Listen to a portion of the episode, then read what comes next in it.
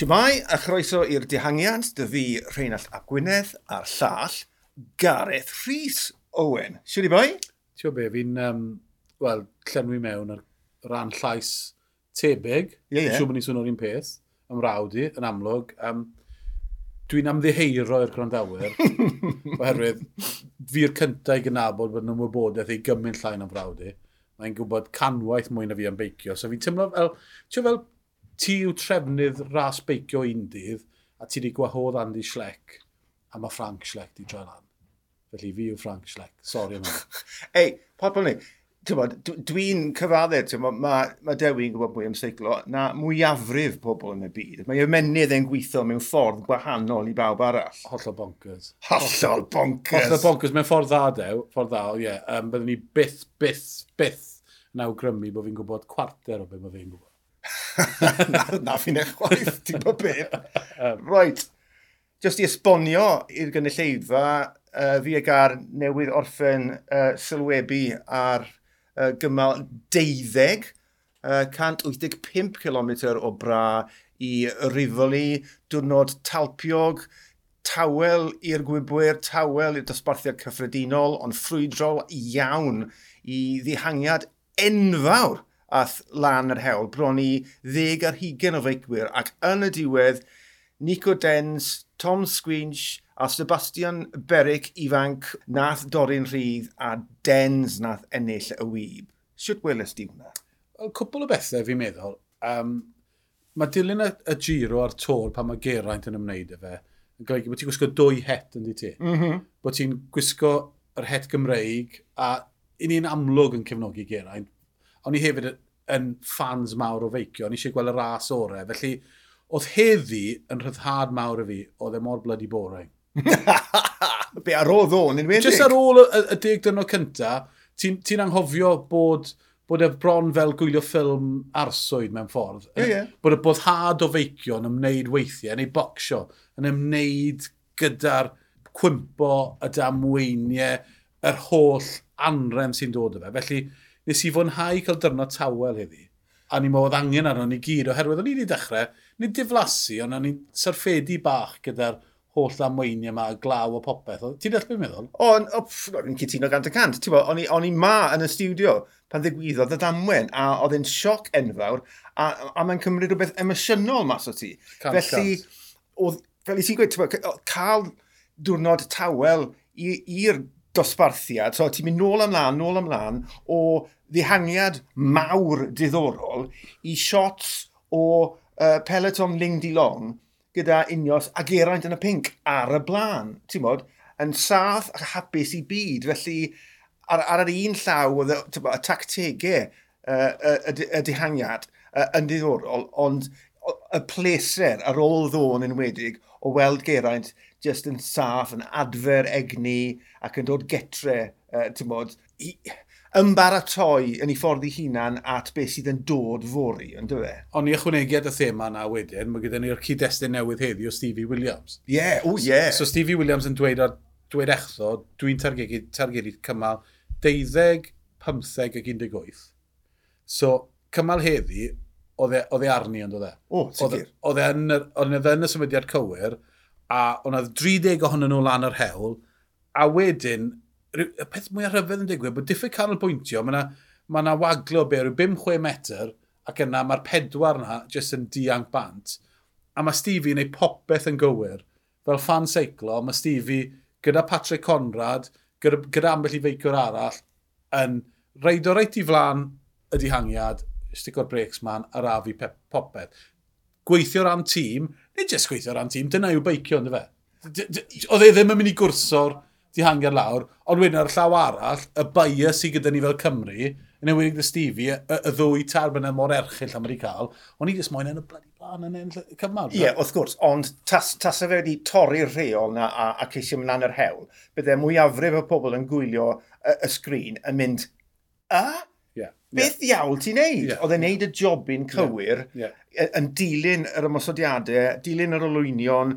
Oedd Trek yn neud yr un peth, achos oedd Tom Squinslan, oedd Stevie yn neud e i Beric, a oedd y tri arall yn, yn, pedwar, tri, tri, pedwar, tri, arall yn, o, o trec yn neud yr un peth i, i Tom's Squinch. Felly, bod, dyna tactegau seiclo dihangiad ar waith a beth dwi'n mwynhau gweld yw, dwi'n meddwl bod yna dieddiad yn ni, falle yn y, y post uh, Zwift era, um, le ni'n ni, rhamant ni'n ni rhamantu nôl at y, y dyddio Cipollini, ar un pa bod beicwyr yn feicwyr ac o'n nhw'n flamboyant ac yn y blaen.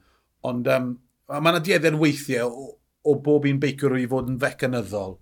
Dilyn ni cyfrifiaduron a y cryfa sy'n goroesi o'n i wrth y modd yn gweld y dadle a cwmpo mas ar y beic, oherwydd oedd e yn bir ac yn onest, a dwi ddim yn meddwl oedd e'n gas, oedd e, e jyst yn mynegu rhwystredigaeth rhai o'r beicwyr, Betty o Fan Filder yn enwedig, i esbonio beth yn digwydd oedd bod Conrad a Stephen dod i'r blaen ar afi'r peloton lawr, a nhw moyn cwrso.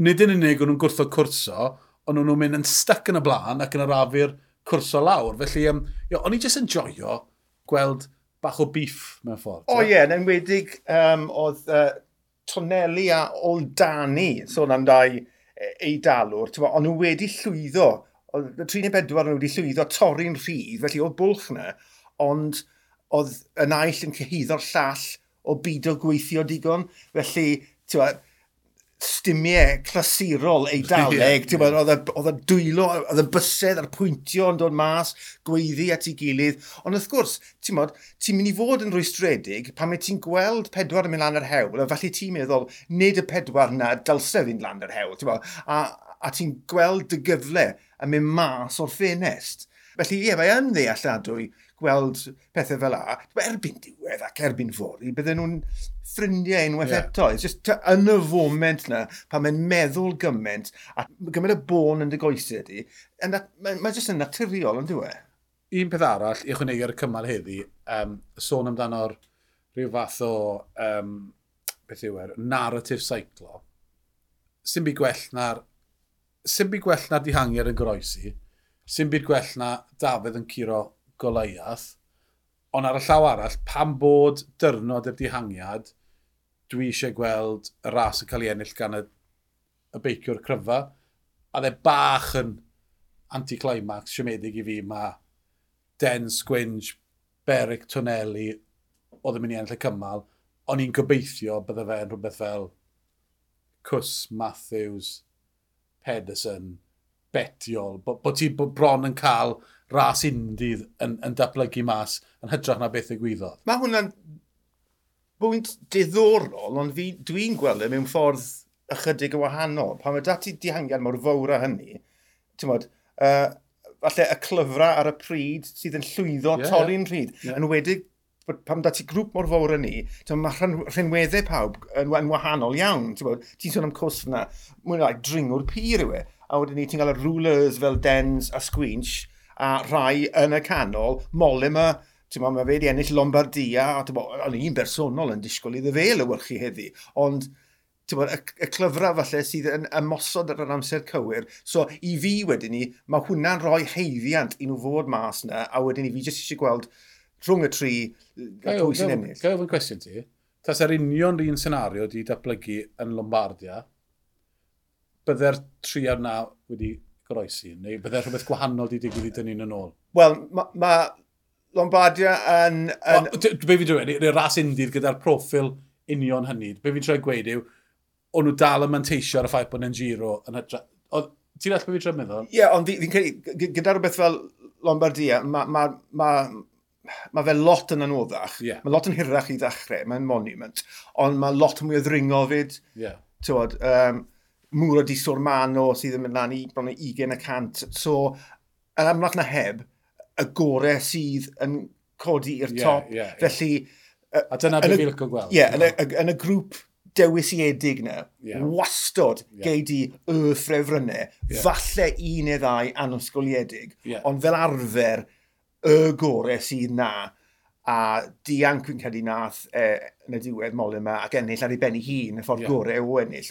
Uh, so fi yn cymryd y bwynt i, a ti yn, yn gywir, ond mae'r sefyllfa ychydig yn wahanol. Yn enwedig gyda, ti'n bod, oedd ychydig o ddringo heddi, ond oedd y tiwrwedd ddim yn ddigon anodd bo, i, i greu sefyllfa lle mae y gore yn llwyddo. Oedd e'n rhoi digon y gyfle i ryw dderyn bach, ti'n bod, i, i just pip off y ffrant a, a wedyn ni, ti'n bod, llwyddo, a dyna'n union be welon ni, ti'n bod. Lle o fi cwestiwn ti? Yeah. Uh, ti'n meddwl mae ti'n meddwl mae Geraint o'r ail ffefryn ar mewn reality? Wel, o'n i'n trafod y pwynt gyda uh, Dewi uh, Neithwr, a fi'n credu fi yn y cytuno y Dew bod, bod, bod hwn yn advantage Roglic. Bo, mae tîm llawn gyda Roglic, a bo, mae pethau wedi dechrau mynd ar led i, i unios, a mae colli teo, mae ma hwnna'n ma broblem fi'n credu a mae fe'n mynd i draws newid um, yr, y tectegu ychydig. Mae nawr mae jobyn Arensman yn mynd, mynd straight trwy'r to. So ni'n meddwl bod, i, bod os i ti'n neud siart tybygolrwydd, mae tybygolrwydd geraint o orffen yn uchel y podiwm yn lleihau oherwydd teo, ond bys e'r lot o bobl yn dadle, oedd tybygolrwydd bydde teo yn gorffen, o ti'n meddwl bydde teo yn mynd i orffen uwch ben geraint oedd? nes i ddim rhoi barn un ffordd neu'r llall, ond i jyst yn meddwl bod yn fanteisiol i'r tîm bod y ddau yn nhw yn, yn arweinwyr a bod na bo, dim ond wyth eiliad rhwng nhw, bod nhw'n cyd dynyddio tactegau a'r coesau fydde yn dweud erbyn y diwedd. Felly, ond i ddim wedi rhoi barn un ffordd neu'r llall mas o hwnna. Dwi'n meddwl sy'n fi'n gweld i. Um, Dwi'n cytuno bod tîm unios yn wanach oherwydd teo, be fydde'n pryderu fi, falle, os bydde Teoi a Geraint yn holliach, bydden nhw wedi cael y cyfrwyddiadau i ymosod, a dwi ddim yn meddwl yn wrthos ola bydde ymosod i bod o siwto Geraint anyway. Mm. Felly, falle bydden o'n i'n meddwl bod e fwy tebygol falle bod yn gorffen i'ch ben Geraint. Gan bod e ddim wedi cael y fantes na o'r ras neb yn y cloc, tas e wedi adladu dwy funud beth bynnag, a fi dal yn gweld yn symud ymlaen yr, er, dwi ddim yn gweld o bellfo bod yn amhosib i Geraint ennill y uh, giro. Mae yna ma bosibl y cryf, ond bys ni'n disgo mae rhaid o'n geidwadol neitha. E. Mm, o ie, mae rhaid. A aros i bawb arall chwethu lan. Gyda'r pwynt gyda te, o ie, yeah, gyda'r chwariaeth, un yn mynd lan yr hewl, un yn aros, fi'n credu jobyn teo fase hwnna wedi okay, bod yeah. trwy'r amser. Felly fe, fe bydde ti wedi mynd a gweud, reit, cer di lan yr hewl, Fe bydde ti pigo fel gwyn yn bach o hyd wnaethon ni weld el, elfen ohoni um, rhai cymalau yn ôl, pan nath y ddilyn uh, Bahrein a ffindo hunan mewn dihangiad bach. Um, falle allai ti weid camgymeriad neu rhywbeth oedd hwnna, ond o ti'n gweld yn ei natur, bonf, mas yeah. o fi, dilyn, achos oedd Caruso mynd lan yr hewl. Felly, dilyn nath e yn hytrach na Geraint. Felly, mae'n mynd i fod yn ddiddorol nawr. Ceidwadol, ie, yeah, dwi'n dwi, dwi ame mai rhywbeth mwy ceidwadol um, dilyn o'r lwynion. A, a peth yw, tyfos, o'n i wedi dechrau dringo to. Felly... Na, pwynt. A ni hefyd yn meddwl, dyma'r dyma peth rili really diddorol, yw, o'n i gyd yn meddwl pethefnos yn ôl, o dim siap y Geraint, o dim cyflwr dy fe. A mae wedi cael gorffeniad dar gopa un mynydd, dwi'n meddwl, yn y ras eleni, le oedd ddath ei gwmpan ôl yn gynnar, dy fe, pan a Teo, a mae wedi cael ras yn ebyn cloc dda, a un gymharol dda, dwi, dwi dal ddim wedi cael cadarnhad o'i gyflwr eto. Mae fe mor belled yn edrych yn siarp. Mae fe wedi bod yn y man cywir bob tro. Dwi wedi wedi dangos gwendid, na i fynd mor bell a hynny. Na. Ond does dim un ffordd gwybod gwir gyflwr y boes yma tan bod ni'n gweld cymal fel y fori. A mae hwnna'n syniad da i symud mlaen i'r hyn, yr arlwy sydd yn blaenau ni, oh, nice. ti a fi, yeah, fori. Yeah, yeah. Edrych mlaen yn eiddgar. Ie, yeah, dyma ni, cymal Crans Montana, dringfa gan San Bernard, oedd yn 2400 o fetre, ond achos yr eira, mae ma nhw wedi torri rhyw 600 metr allan o'r ddringfa, felly mae nawr yn 1800 rhywbeth, a mae hwnna wedi traws newid y ddringfa yna, achos tywa, mae pethau od yn digwydd i'r corff dros 2000 o fetre, felly gan i weld sut wneud hwnna effeithio ar y ras. Clwad y cyr, 1400, bon 1500, a wedyn i'r ddringfa i Crans Montana. Felly mae yna agos i 5,000 o fetre o ddringo fori a yn amlwg, dyma ddiwrnod cynta y dosbarthiad cyffredinol. Pa ffordd mae'r beicwyr yn mynd i ymosod y diwrnod yma? Dos dim syniad. Oedden nhw yn mynd i just, bod, pwtlo rownd yr holl ffordd a wedyn ni brwydro ar Crans Montana, neu os rhywun yn teimlo fel bod uh, rhywbeth yn y coesau gyda nhw i, i danio'r diwrnod. Dwi ddim yn sicr. Na, na, mae'n ddiddorol hefyd, a, a dwi'n pendroni pwy fydd yn dy mas o'r cysgodion fori be mae Almeida mm. yn mynd i wneud, mm. pam nhw'n canolbwyntio Roglic, be mae Almeida yn wneud, be mae tîm Bahrain mynd i wneud. Oherwydd mae ganddyn nhw driawd nyr allai fod yn rhoi pwysau mawr ar rheini sydd ar y blaen yn Caruso. Caruso yn edrych yn gret. Sy'n edrych yn eiredd. Mae dyn nhw Heig mhm. a mae dyn nhw Bwtrago. Mae Bwtrago yn beth rhyw 5 munud lawr mm -hmm. a mae'n boen yn y penol. Odi? mae'n mae rasio'r bach taclus. Bwtrago mynd wyt ti'n ymateb? Fwy na thebyg na, yn reiddiol, ti'n mynd moyn ei mynd lawr yr hewl yn bell ffordd, felly mae, mae tynnu fe nôl yn dod â heriau dy fe. Os mae bar ein yn penderfynu ymosod ar yr ail fynydd a gwneud hynny, ni'n wedi gweld um, Hugh Cathy eto. Na. Dim yn unman, jyst ddim wedi gweld e, ond nath e'r ras e- dda yn erbyn y cloc. Mae'n ond tair munud lawr sydd y fe. A pan ni'n gweld bod y, y ras erbyn y cloc ola, dwi e ddim rili really yn ras erbyn y cloc. O na mae jyst yn ddringfa. Felly, um, dwi'n edrych ma'n fori, dwi'n dwi meddwl mewn ffordd bod colli teo wedi, um, wedi gosod y narratif yn eitha deslus i ni nar. Mm. Bod gyda ti'r tîm amddiffynol ma, sy'n mi reidio tempo, cymellio bod Sifacoff yn goroesi ac yn gwella i ryw raddau. Diddorol gweld be mae Jumbo mynd i wneud. A nawr, ond i wrth ddweud yn hynna'n, a dyma'r peth hynod y ddoddorol am y giro eleni, eleni yw'r giro i ti reidio i orffen ar y podiwm.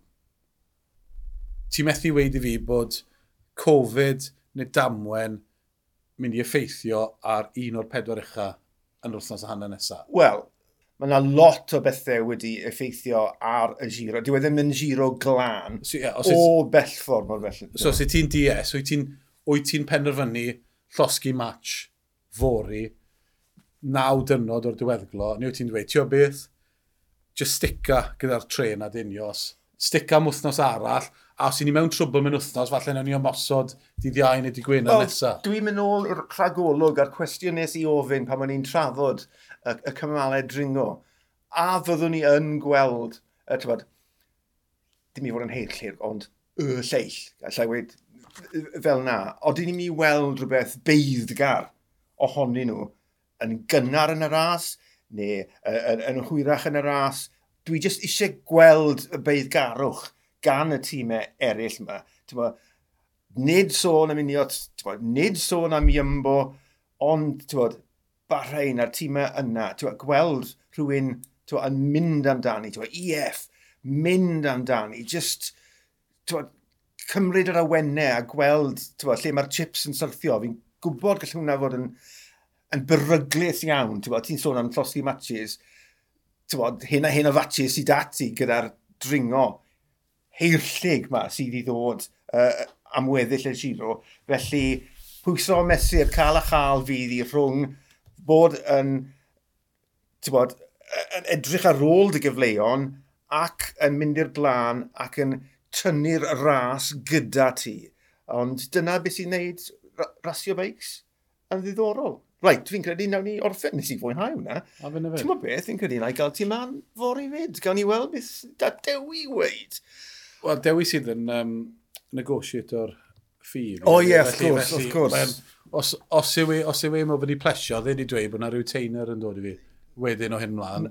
Mae hwn fel fath o gyflwyniad ac efallai bod fi'n plesio bod yna arian mawr yn dod i fi. Na i tsyco'r cyfrif banc i weld... Oedd e'n gweud 30% o'r hysbysebu. OK, alright, alright. OK, gawn ni weld. Reit, diolch i chi fel arfer am wrando ar ein podlediad bach ni.